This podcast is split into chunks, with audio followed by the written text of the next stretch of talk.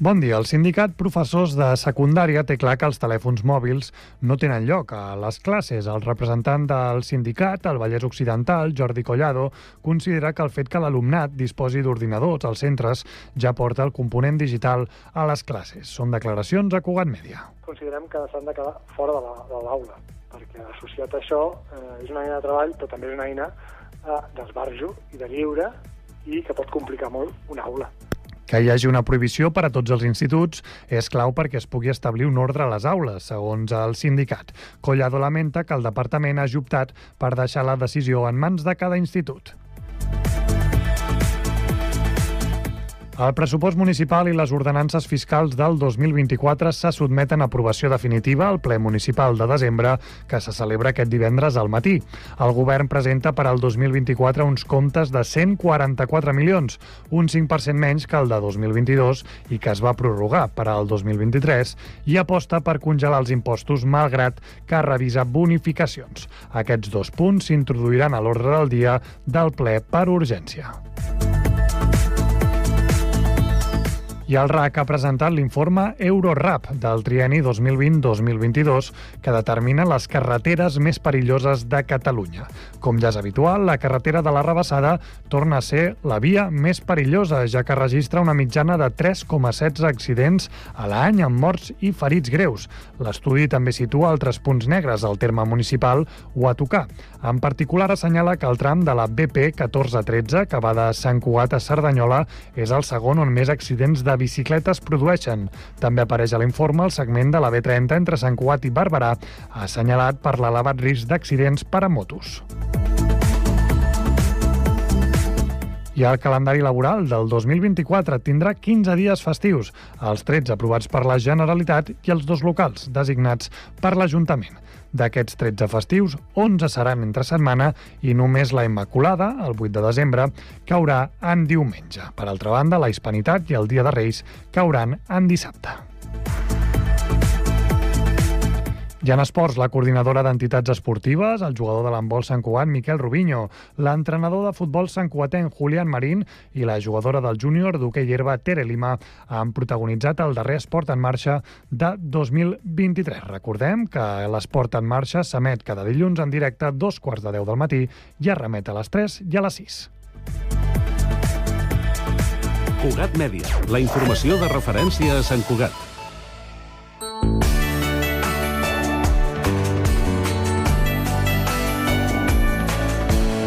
Ràdio Sant Cugat, Cugat Mèdia, 91.5 FM. Hora Sant Cugat, a Ràdio Sant Cugat. Tant si teniu per costum arribar als llocs a misses dites, com si sou dels que aneu a dormir amb les gallines, ep, no badeu. I no magueu el cap sota l'ala, que se us gira feina. S'ha acabat això de fer la viu-viu i anar tirant de la rifeta. Que per què? Doncs perquè aquí hem vingut a suar la cancel·lada i, si cal, traurem el Sant Cristo gros. Però tranquils, que sirgar, sirgarem nosaltres. Vosaltres n'hi haurà prou que sigueu tot orelles i que estigueu a la guai. Tampoc us demanarem que us grateu la butxaca ni que tragueu el fetge per la boca. Així doncs, us fem 5 cèntims del que vindrà. Nosaltres xerrem pels descosits i vosaltres pareu l'orella perquè el que sentireu us anirà com l'anell al dit.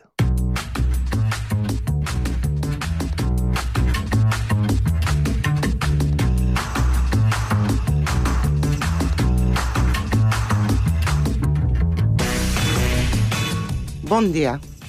Nosaltres som els alumnes del, del nivell elemental 1 i fem classe els matí a servei local de català de Sant Cugat. Avui començarem amb algunes curiositats que la llengua catalana desperta als ús d'alumnes llatines. Sentirem una cançó que és tot un clàssic i ens posarem a provar en fet frases fetes sobre l'oli. A continuació, sentirem una recomanació d'un llibre diví, mai més ben dit. També parlarem de forces amics, és a dir, paraules que s'escriuen igual en català i en castellà, però que tenen un significat diferent. I acabarem amb una breu entrevista a tres bandes amb accent guaraní. Què? Té bona penta, oi? Va, que arrenquem.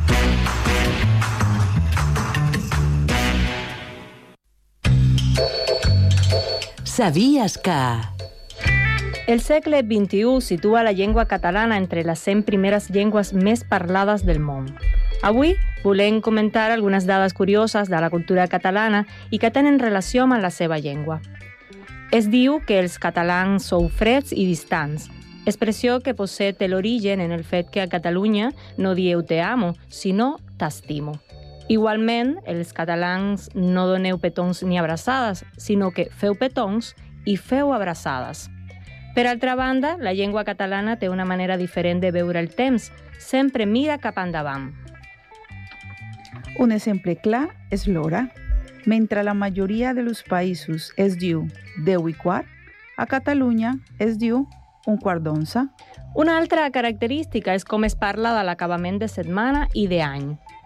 A Catalunya es diu cap de setmana i cap d'any, com a senyal d'inici i final d'alguna cosa. Al món digital, el català és present amb força en diferents entorns i xarxes socials. Es podria destacar, per exemple, la Viquipèdia, versió catalana de la Wikipedia, o Twitter, on és la dinovena llengua més usada. I finalment, cal destacar el domini .cat, disponible des del 2005. I després d'aquestes curiositats, Posem una mica de música. Sentim-la. Bon dia, Álvaro. De qui pa parlarem avui? Albert, avui parlarem d'un cantautor, polític i escriptor català que encara viu. Saps qui és? Doncs, Álvaro, amb les pistes que em dones, diria que és Lluís Llach. Molt bé, Albert. És correcta la teva resposta. Tothom sap que Lluís Llach és un cantautor molt conegut per impulsar la nova cançó i normalitzar l'ús del català en el món de la música. Albert, no sé si coneixes aquestes cinc dades. Va néixer en una família franquista. La seva activitat musical li va costar alguna detenció a la presó i l'exili a França. Va ser l'últim dels negrans del grup dels 16 llotges. Els als 22 anys era famós en la seva cançó L'Estaca, que s'ha convertit en tot un himno a la resistència. Pensava retirar-se a l'any 1979, però animat per un premi internacional, la seva carrera va continuar fins 2007, any que es va retirar. Molt interessant això que dius, Álvaro. No sabia aquesta informació. I tu? Coneixes uh, la seva cançó País Petit? Mm, no, de què tracta? País Petit és un dels èxits musicals de Lluís Llach. És, uh, és un autèntic cant uh, d'amor a l'Empordà actualment i amb permís del músic uh, la gent l'ha fet extensiu a Catalunya. La cançó és, eh, cançó es va con, eh, compondre el, el 1980 i descriu el paisatge de, de l'Empordà, on va viure la seva infància.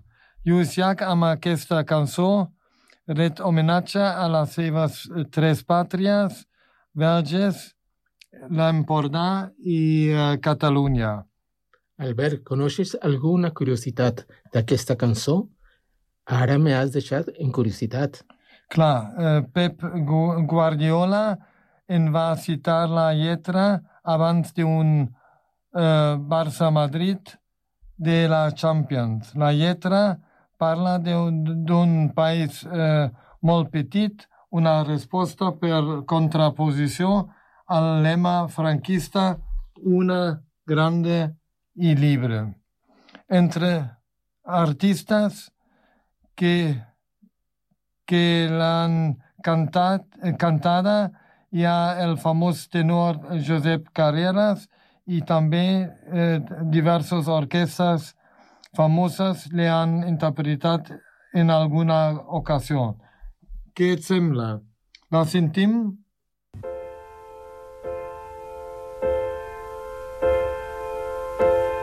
El meu país és tan petit que quan el sol se'n va a dormir mai no està prou segur d'haver-lo vist.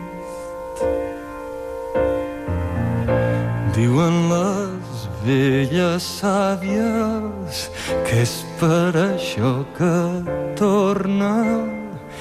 Potser sí que exageren, tant se val, és així com m'agrada a mi. I no en sabria dir res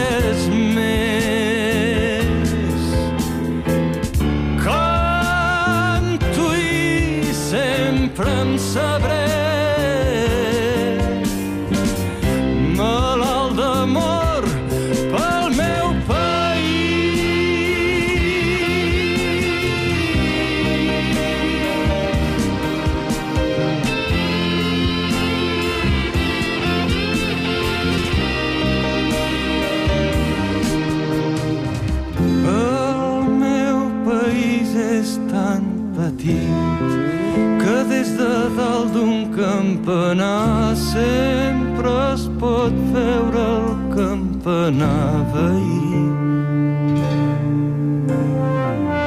Diuen que els poblets tenen por, tenen por de sentir-se sols, tenen por de ser massa grans, tant se val, és així.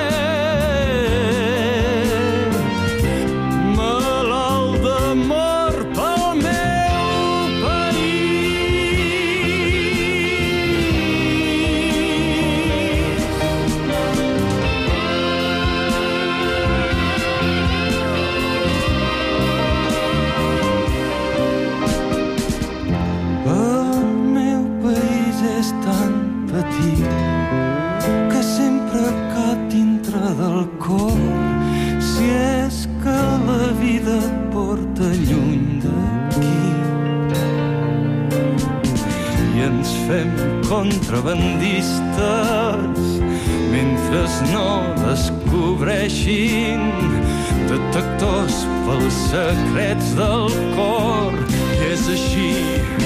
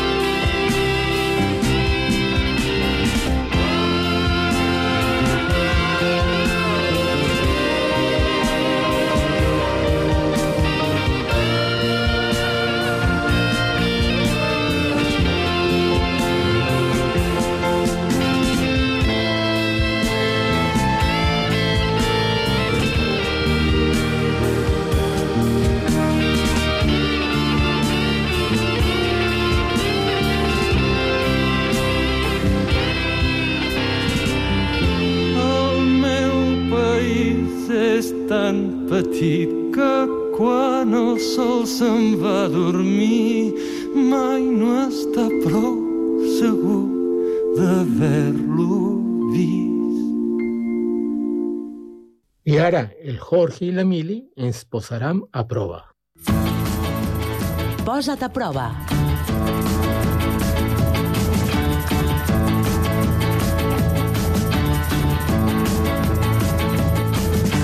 Bon dia, amics. En català hi ha moltes frases fetes sobre l'oli. I com que aquí ens agraden molt les frases fetes i l'oli, us presento al Jorge. I jo sóc la Mili, que us direm moltes coses més sobre aquest tema. Som-hi! Hola, Mili. Hola, Jorge. ¿Tú sabes qué significa All in un Yum?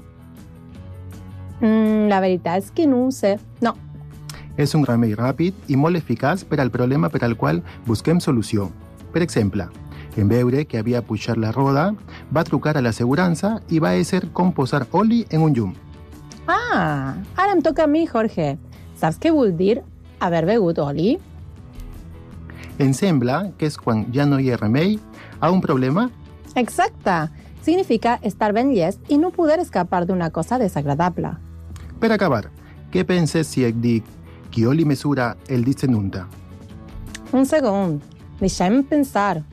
No pateixis, s'ha acabat el temps. Es tracta d'un proverbi que al·ludeix a qui pren part en un negoci brut, de corrupció econòmica, per exemple. De cop i volta he pensat en algun polític del meu país. I a tu, et sona? Sí, molts. Nosaltres ens acomiadem, però us deixem en bona companyia. L'Anna i la Núvia ens parlaran d'un llibre molt espiritual.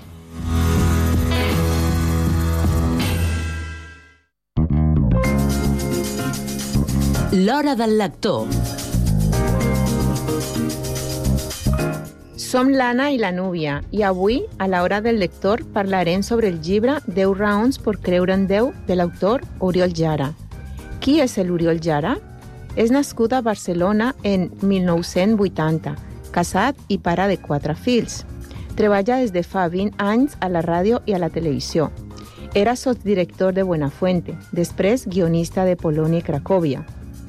Ha dirigit el programa de reportatges El Roat d'Espanya per al canal Viacom i la sèrie de divulgació This is Philosophy i ara produeix La tarda de Catalunya Ràdio.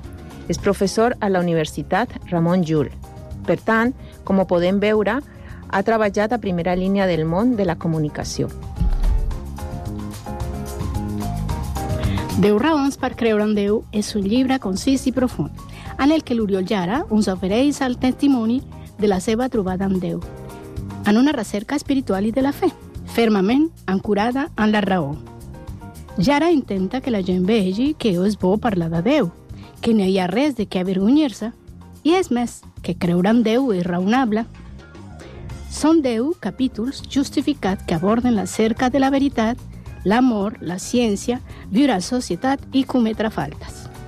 A les seves pàgines hi ha abundants referències a filòsofs i científics alhora que profunditza la reflexió sobre la Bíblia i constatant el que hi diu. Per què és llegir aquest llibre? Perquè el mateix autor dia enfàticament creure en Déu, conèixer a Déu, buscar a Déu és una experiència tan reveladora i bonica que em sentiria culpable si no la compartís amb vosaltres. És per tot això que tant l'Anna com jo hem volgut que conegueu aquest llibre. Ara us deixem amb la Nicole i la Valèria.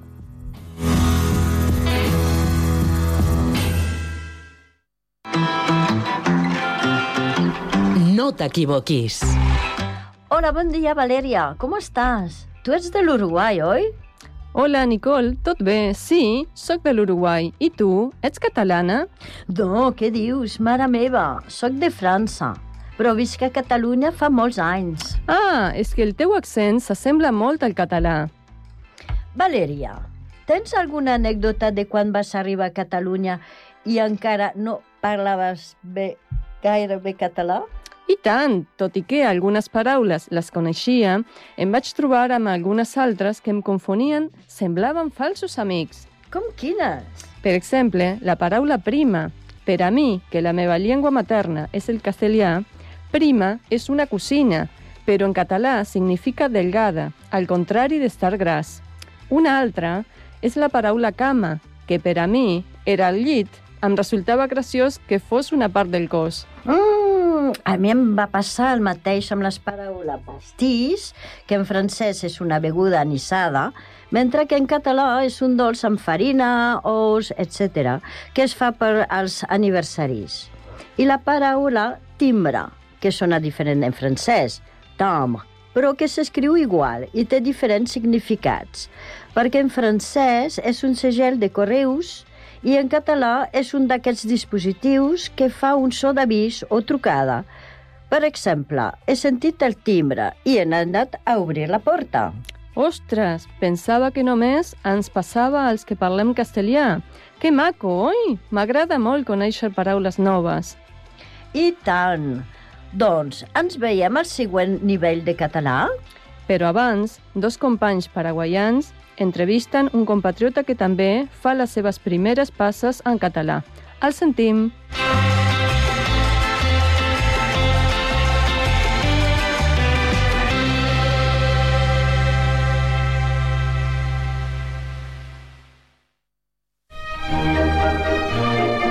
L'entrevista.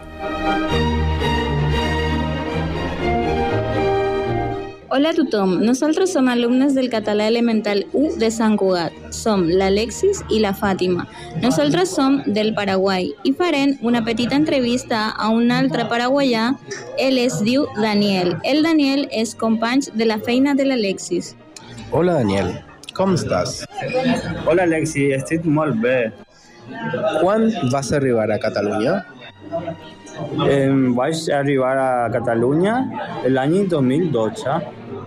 En quant temps vas prendre a parlar el català? En més a més, quatre mesos, perquè l'escoltava en la feina. Vas fer algun curs? Pues no vaig a fer ningun curs, encara només eh, parlo una mica. Qui et va ajudar per quedar-te aquí? La meva mare. I eh, estàs content a Catalunya? Sí, molt content. Vaig a fer a la meva família, aquí. Bien, Daniel, eh, ¿vas a pensar a tornar al Paraguai? Pues encara no. Eh, més endavant pot ser que sí de vacances. Doncs moltes gràcies, Daniel, per el teu temps, per aquesta petita entrevista. De, de res. No, gràcies. Eh, de res a vosaltres.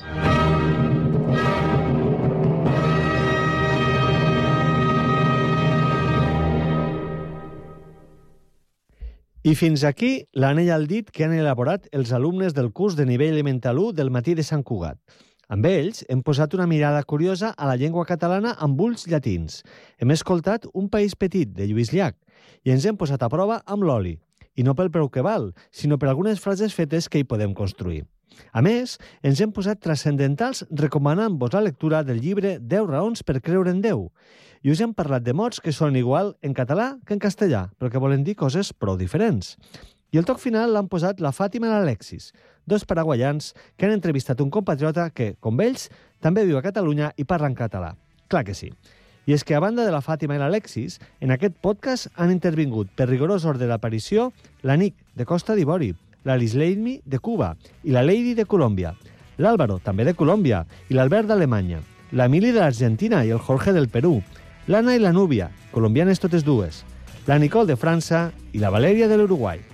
I finalment qui us parla? L'Albert, que ja veieu que estic refredat com una sopa, però ja ho sabeu, que el refredat el vi el combat, i és que li va com l'anell al dit.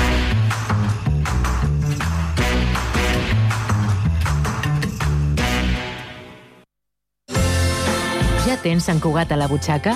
La targeta de punts de més de 80 botigues de Sant Cugat. Si no és així, sol·licita-la a les botigues adherides i aconsegueix un munt d'avantatges. Descomptes, obsequis, promocions especials, barrets de la nit en blanc i... No ens podem allargar tant. Consulta www.santcugatalabutxaca.cat. Ara també utilitza la teva targeta al Mercat de Torreblanca. No és el mateix ser els integrants del millor grup de la història que ser el millor grup de la història. Per això, el grup català Occident serem Occident, perquè per continuar assegurant-ho tot, tot i tot, ens havíem d'ajuntar tots, tots i tots. Entra a seremoccident.cat.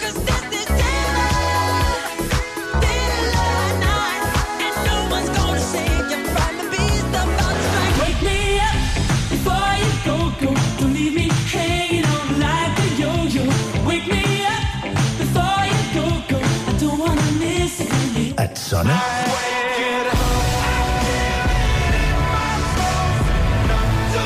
La música que vols a Jukebox.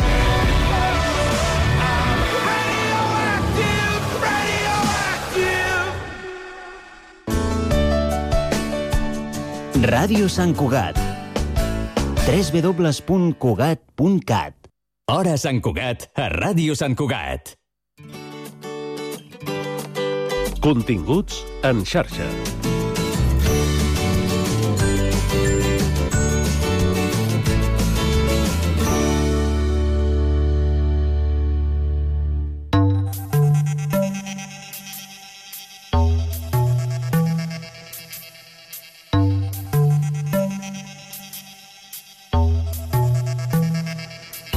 L'esperança de vida i l'envelliment saludable dels ratolins podrien estar determinats per una proteïna present en algunes cèl·lules del sistema immune, segons un estudi de l'Institut de Neurociències de la Universitat de Barcelona publicat a la revista Cell Reports. Quan aquesta proteïna, coneguda com immunoreceptor C CD300F no hi és, els animals tenen una esperança de vida més curta i pateixen patologies associades al deteriorament cognitiu i l'envelliment prematur, especialment de les femelles. Per parlar-ne tenim a Hugo Pelufo, líder d'aquest estudi i investigador de l'Institut de Neurociències de la Universitat de Barcelona, UB Neuro. Benvingut. Eh, muchas gracias, muchas gracias. Eh, què implica aquest descobriment en l'estudi de l'envelliment? Eh, implica un poco, por un lado, eh, aportar evidencia sobre una teoría del envejecimiento que existe, que es que a medida que van pasando los años vamos acumulando daño en las moléculas de nuestro organismo y que parte de ese daño se debe en realidad a una reacción inflamatoria, digamos, que se hace continua en el tiempo, que es, es más de bajo grado, no es tan intensa como, por ejemplo, cuando nos enfermamos de una gripe, ¿no? Es una reacción inflamatoria más suave, pero que con el tiempo se va acumulando y va generando diferentes cambios en nuestro organismo eh, que determinan en gran parte el envejecimiento. ¿no? Entonces, en este caso lo que mostramos es que cuando el sistema inmune no funciona correctamente y hay más inflamación continua durante mucho tiempo, eso puede generar eh, patologías asociadas al envejecimiento y además acortar la, la vida, ¿no? la esperanza de vida, en este caso de ratones, ¿no? que el estudio fue hecho en ratones. Molt bé. I mm, que, quines conclusions en podem treure pensant, diguem, en aplicació a, a en humans? Um... Las, las conclusiones, por un lado, es eh, comprender cómo funciona nuestro organismo y nuestro cerebro en particular, que es lo que más nos interesa, eh, y, y, cuáles son los mecanismos, cómo hacen las células para eh, poder funcionar correctamente y, y, luchar un poco contra esta inflamación crónica que se produce durante el envejecimiento. Y entonces lo que mostramos es que esta proteína que tú bien nombrabas como CD300F es una proteína que es parte del sistema inmune que tenemos en todo el organismo, ¿no? el sistema inmune general del organismo, pero también el que está dentro del sistema nervioso del, del cerebro. Entonces vemos cómo esta proteína lo que hace es frenar un poco la inflamación y de esa manera mantener eh, todos los mecanismos, todas las funciones celulares funcionando y de esta manera contribuye entonces a que esa inflamación se, mantenga controlada por más tiempo eh, y las células funcionen correctamente por más tiempo. Es una de las proteínas que, que participa, digamos, en toda esta, en toda esa maquinaria de la célula para eh, frenar la inflamación. Entonces, lo que hicimos nosotros fue estudiar ratones que no tienen esa proteína y los comparamos con ratones que tienen esa proteína. Entonces vemos que los que les falta esta proteína tienen más inflamación en el hígado, por ejemplo, en los pulmones, en el cerebro, tienen eh, problemas cognitivos, no problemas de memoria, entonces tienen varias patologías asociadas al envejecimiento cuando les falta esta proteína. Y por eso concluimos un poco que esta proteína lo que está haciendo es frenar esos procesos inflamatorios y frenar la aparición de algunas patologías asociadas nuevamente al envejecimiento. Mm -hmm. I, sí. i qui, qui, qui té i qui no té aquesta proteïna? És aleatori o depèn d'alguns factors? Ah, I els humans en tenim? Aquesta proteïna existeix? Sí, los humanos tenemos esta proteína. Eh, no es exactamente igual que la de ratón, también estamos estudiando la, la humana, y esta proteína la tenemos todos.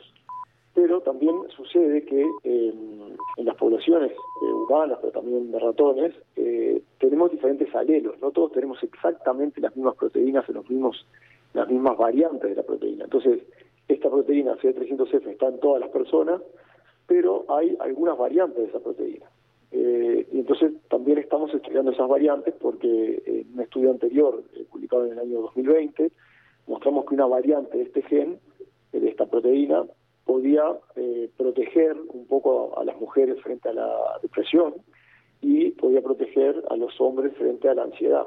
Entonces, sabemos que estas que variantes en este gen pueden eh, cambiar de alguna manera algunas patologías en humanos, ¿no? Entonces, en resumen, todos tenemos esta proteína, pero hay diferentes variantes de esta proteína. Entonces, en el conjunto de lo que es todo nuestro genoma y las proteínas que tenemos para que las células cumplan con sus funciones, eh, es una sumatoria de las diferentes variables que tenemos lo que termina determinando eh, si tenemos cierta propensión a desarrollar una patología u otra. Entonces lo que hacemos en este caso es poner un ladrillo más, digamos, en lo que es el concepto más amplio de medicina de precisión, que implica intentar entender cuál es nuestra carga genética para eh, ver qué predisposición podemos tener a una patología o a otra. Eso por un lado. Pero también por otro lado, al entender eh, que esta proteína contribuye a que haya menos inflamación en el cerebro, intentamos ahora eh, buscar alguna estrategia terapéutica que, por ejemplo, estimule este receptor, esta proteína que está en la superficie de, algunas células del sistema inmune, y pensamos que tal vez estimulándola podamos eh, combatir algunas enfermedades relacionadas con el, con el envejecimiento, ¿no? como por ejemplo la pérdida de memoria, el Alzheimer o algunas otras patologías, porque eh, si la falta de la proteína genera mayor inflamación, cuando la estimulemos, suponemos que lo que vamos a generar es menor inflamación y por lo tanto eh, una menor patología. Uh -huh. I, I per què afecta més a les femelles? Això ho heu descobert? Es una gran pregunta. Eh, fíjate que te comentaba que en estudios anteriores veíamos que tenía efectos diferentes en hombres y en mujeres, a nivel, a nivel de enfermedades psiquiátricas, ¿no? como depresión, como ansiedad. Y entonces ya fuimos a buscar directamente esto, en, a buscar diferencias entre las ratonas hembras y los ratones machos. Lo que vemos es que en los dos casos, en hembras y en machos, se, se acorta igualmente la vida de los animales. Pero las hembras eh, empiezan a tener problemas cognitivos, de memoria, más tempranamente. También tienen, por ejemplo, más inflamación en el hígado. Entonces, es como que de alguna manera esta proteína es más importante en hembras, también es importante en machos, porque los machos también tienen reducida su esperanza de vida, pero es más importante en hembras. Y esto nos lleva también a un, a un punto muy importante de la medicina moderna, que es que hace unos, unos pocos años que se está dando más importancia en, a, a, estudiar eh, los fenómenos médicos y biológicos separados en los dos sexos, porque hay muchos de estos fenómenos que son diferentes. Tradicionalmente se estudiaba solo en machos, y eso ha mostrado después en medicina que para tra tratar eh, pacientes mujeres, muchos de los fármacos que se utilizaban generalmente tenían incluso efectos adversos en mujeres que no habían sido estudiados, porque había estado todo focalizado en el estudio de machos. Entonces nuestro estudio se enmarca un poco en esa nueva filosofía de estudiar los sexos por separado, porque justamente hay mecanismos biológicos que no son los mismos en muchos casos y que entonces hay que estudiarlos por separado. Sí, de hecho, bueno, de esto se, ha, se habla hace mucho tiempo, ¿no? Que, y ya ahora se está corrigiendo y que much, eh, en muchos campos, ¿eh? que siempre, en los estudios no tenían um, eh, este, el, el, el, sesgo de, de género, ¿no? Uh, diferenciado. Muy bien. Um, ara, hi ha una pregunta una miqueta més complicada a nivell de l'envelliment. És a dir, cada cop estem vivint més anys, no? l'esperança de vida s'està allargant, però és evident que som finits, no? És a dir, no, no, no serem mai immortals. Um, esteu... Um, quin, quin és el límit? Uh, heu arribat a alguna conclusió, els que us dediqueu a això? Hi ha algun límit o ningú s'atreveix a marcar-lo de moment? Eh, creo que nadie se atreve a marcarlo. Lo que sí hay estudios interesantes, por ejemplo, eh, de personas que se dedican a estudiar a los centenarios, o sea, las personas muy longevas, ¿no? Intentan ahí determinar qué características hacen que las personas puedan llegar a 100 años o más, ¿no? Y sobre todo también entender eh, cómo envejecer mejor, porque eh, si bien se nos se está alargando la esperanza de vida, eh, muchas de las patologías asociadas, asociadas al envejecimiento hacen que tengamos más años de vida, pero no necesariamente mejor mejor calidad de vida, ¿no? Uh -huh. Entonces hay dos vertientes en estos estudios. ¿Cómo hacer para alargar la vida? Eh, que se podría alargar, ¿no? Si hay personas que viven 100 años, pues, podríamos pensar que tal vez ese podría ser un límite, ¿no? Eh, pero por otro lado, ¿cómo hacemos para llegar a los 100 años con una calidad de vida adecuada? ¿no? Por ejemplo, no perder memoria. Entonces, hay esas dos vertientes, gente que estudia cómo alargar la vida y gente que estudia cómo mejorar el envejecimiento saludable, digamos. Eh, sabemos ya de estudios en animales y también un poco en humanos que eh, hay cosas que son claramente favorables para la salud eh, general, como hacer ejercicio, no, comer sano, etcétera. Eso es clave y ya lo sabemos hace tiempo.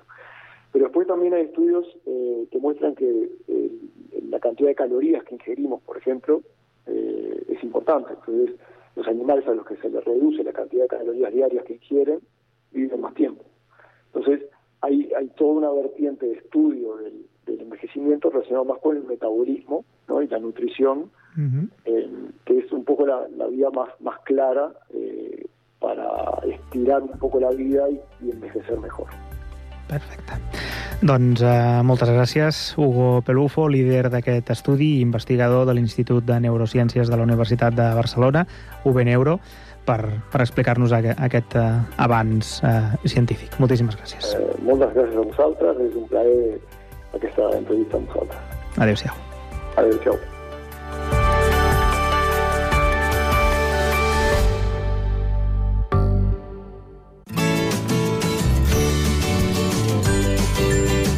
Continguts en xarxa.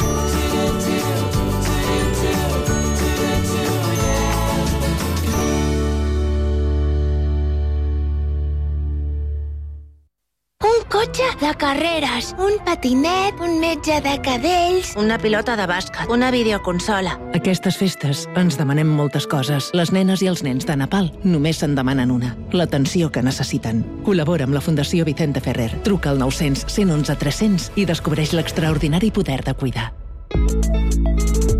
Estrenem l'APP del Picalletres. Paraules i jocs lingüístics per a tothom. Descarregueu-vos l'APP a Google Play o a l'App Store i comenceu a jugar. Per tu, amb el taller Jeroni de Moragas, un programa fet per persones amb diversitat funcional i intel·lectual. Som el programa per tu, del taller Jeroni de Moragas. Aquest mes al taller han començat amb nosaltres dues voluntàries internacionals de l'associació Bíblia. Seguim amb la secció de notícies. Marc. El Gerard Piqué ha decidido que ya es hora de irse. Com a notícia extraordinària volem presentar a Maria Branyes Morena. Aquest mes de febrer el tenim ple de concerts i espectacles. Y hasta aquí nuestro programa. Per tu, cada mes a Ràdio Sant Cugat, Cugat Mèdia.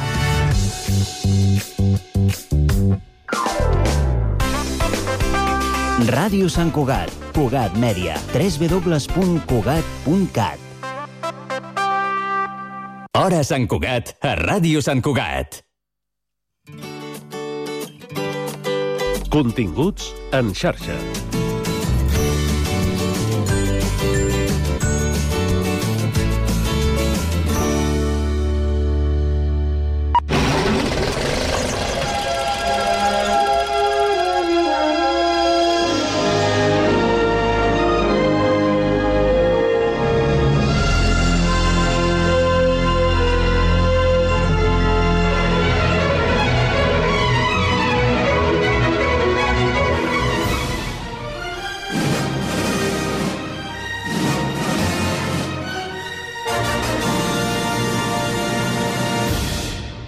Estábamos hablando de que hay que trasladar al enfermo.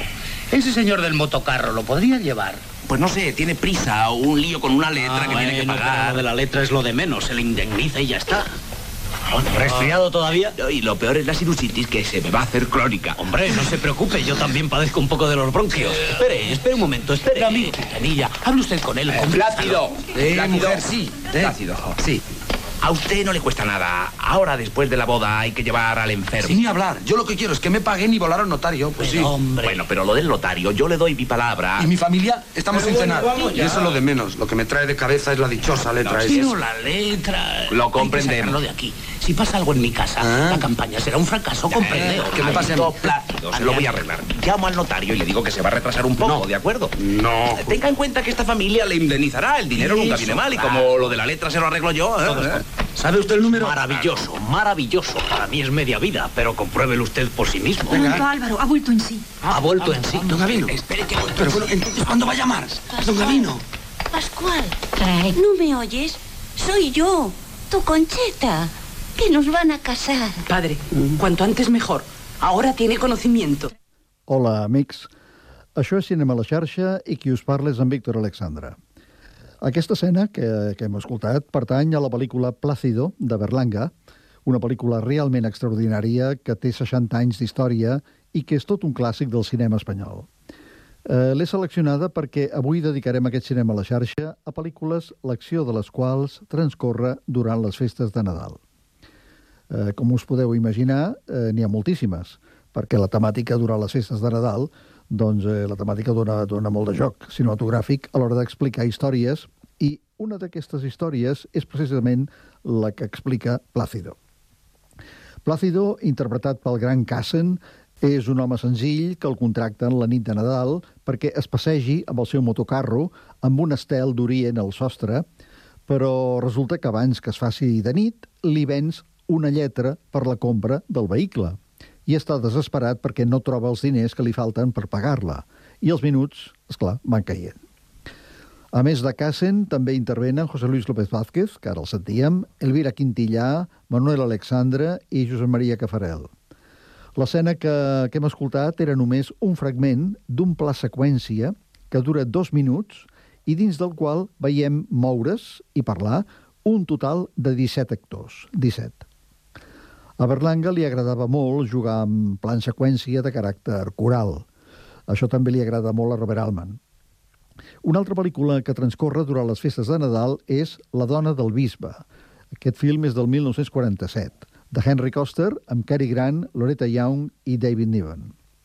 Aquí hi trobem un bisbe protestant, David Niven, que està tan ocupat mirant d'aconseguir diners per poder fer una nova catedral que té desatesa la seva dona i el matrimoni amenaça d'anar-se a Norris. Només un miracle el pot salvar. I apareix Cary Grant, que és un àngel. Oiga, perdóneme, pero tendrá que pedir hora a mi secretaria por teléfono. Iba a ponerme a cenar. Lo sé, Henry. La sopa no se enfriará. Usted ha pedido ayuda. ¿Yo? ¿Que yo? ¿Quién le ha dicho que he pedido ayuda? Pues eh, se sabe que es usted un hombre bueno, Henry, y ha sido escuchado. Me han ordenado venir aquí en respuesta a su plegaria. ¿Quién es usted? Soy un ángel. ¿Cómo ha dicho? Que soy un ángel.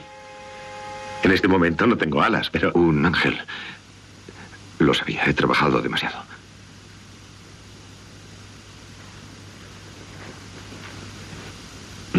Lo comprendo, Henry. Es difícil creerlo, incluso para usted. Por supuesto, no soy uno de los ángeles más importantes, pero me han asignado a este distrito provisionalmente. Nosotros estamos en todas partes ayudando a la gente que merece recibir ayuda. Cuando usted va andando por las calles de la ciudad y de pronto ve una cara desconocida, puede ser la cara de un criminal o puede ser la cara de un ángel. ¿Tiene usted algún problema con la construcción de esa catedral, verdad? Sí. Es muy bonita. Resultaría preciosa en lo alto de Sanctuary Hill. Bueno, Henry, ¿me acepta por lo que le he dicho que soy? Cuento únicamente con su palabra. Pero usted es un obispo. Usted más que nadie tiene que fiarse de un ángel. Me gustaría. ¿Qué se propone hacer? ¿Hará un milagro? Si es necesario. ¿Por qué no lo hace? ¿Por qué no construye la catedral solo con mover la mano? No estaría bien que lo hiciera. ¿Cómo lo explicaría? Pues diría... La dona del bisbe. Un clàssic en blanc i negre molt a la línia de les comèdies de Frank Capra. Eh, plena sempre de, de bona gent i de bons sentiments. Un altre film que podem encabir a les històries de Nadal i de Cap d'Any és Els amics de Peter, del 1992, de Kenneth Branagh, protagonitzat per ell mateix, Emma Thompson i Stephen Fry. En Peter, que és el personatge que interpreta Stephen Fry, reuneix la nit de cap d'any els seus amics a casa seva per comunicar-los que després de fer-se un reconeixement clínic, els metges l'han informat que ha contret el virus de la sida. És una escena molt dura perquè ens hem de situar 30 anys enrere, quan la sida feia estralls i els qui patien aquesta malaltia estaven abocats a una mort segura. Recordem el cas de Rock Hudson, per exemple. Avui dia, per sort, les coses han canviat, però en aquell moment la, la notícia, quan en donaven aquesta notícia, era molt trasbalsadora. I, per si fos poc, es considerava que la sida era una malaltia que atacava bàsicament els homosexuals, cosa que els estigmatitzava injustament i que, com sabem, era falsa. Aquesta és l'escena. ¿De veras quieres saber por qué os he invitado a venir? Sí, quiero, mirar. Bueno, pensé que no iba... No estaba seguro de si iba a decíroslo o no. Viendo cómo está resultando esta velada, creo que puede ser apropiado. Os he invitado a venir porque... porque... significáis mucho para mí, como ya sabéis. Y... y... Lo siento, no es tan... No es muy fácil. Porque recientemente me... me... Hice un análisis de sangre y resulta que soy seropositivo.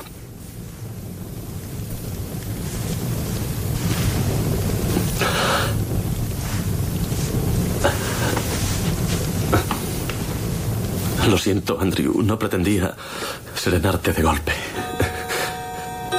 Bueno. Feliz año nuevo. Oh, venga. Chicos, no, no me falléis. Feliz año nuevo. Els amics de Peter i l'escena en què en Peter fa saber als seus amics que té la, la sida. És aquesta. Stephen Fry feia una gran interpretació en aquesta pel·lícula. A Catalunya coneixem Stephen Fry com a actor, però no en sabem gaire de la seva personalitat polifacètica. I és una llàstima perquè, a banda de ser actor, és igualment un home d'esquerres políticament molt actiu i també escriptor, tant de novel·les, de, eh, de novel·les i també d'assaig, i també, a més a més, escriu teatre. Eh, crec que no m'equivoco si dic que al nostre país no s'ha publicat cap llibre seu, cap ni un. Però ara, per tancar aquest cinema a la xarxa que ha tingut Pablo Palenzuela a les vies de so i que hem dedicat a pel·lícules amb trames desenvolupades durant les festes de Nadal, escoltarem el tema principal d'un film de l'any 2022 titulat Christmas Without With You, Christmas With You, Nadal amb tu, protagonitzat per Aimé Garcia i Freddie Prince Jr. Es tracta d'una història sentimental, romàntica i plena de bons desitjos, que gira entorn d'una estrella de la música que ha d'escriure una cançó de Nadal, però no sap com, cosa que la porta a satisfer el desig d'un fan seu que es mor de ganes de conèixer-la. És així com ella cau enamorada i el cor li dicta les paraules de la cançó. La cançó es diu Christmas With You. Perdó, ara sí, Christmas Without You. Abans era amb tu i ara és sense tu, Nadal sense tu. Fins la setmana vinent, amics. No Christmas without you. I never did believe in love.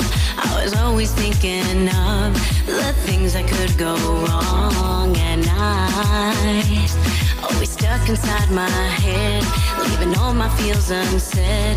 Now you got me on the edge. Cause I've been hoping that you're wanting me to stay. Cause I don't want this Christmas to be just another day. I've tried to hide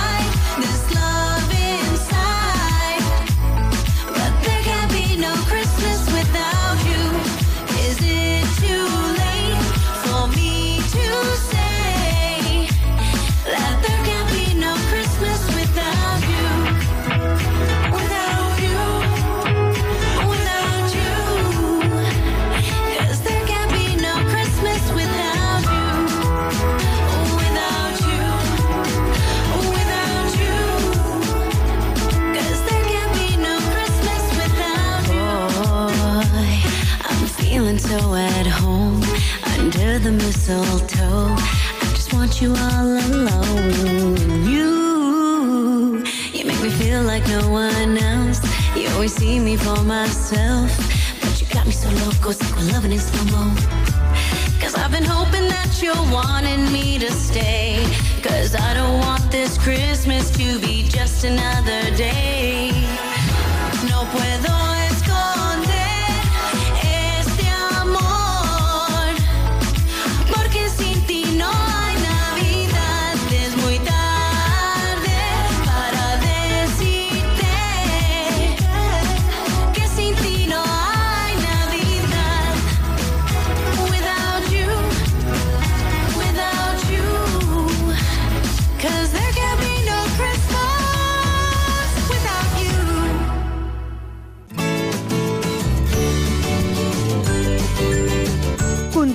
en xarxa.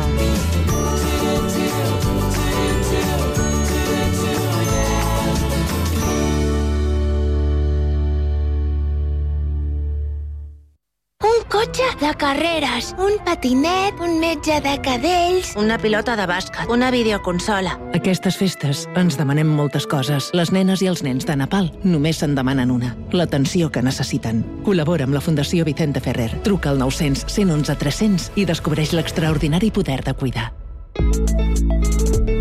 Estrenem l'APP del Picalletres. Paraules i jocs lingüístics per a tothom. Descarregueu-vos l'APP a Google Play o a l'App Store i comenceu a jugar.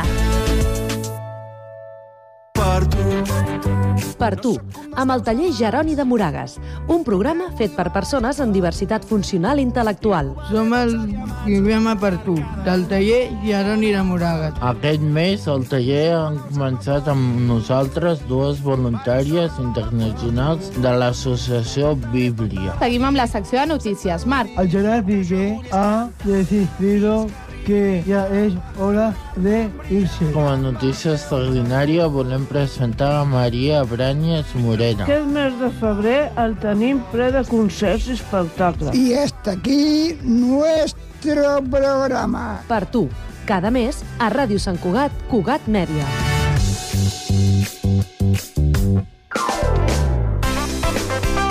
Ràdio Sant Cugat, Cugat Mèdia, www.cugat.cat.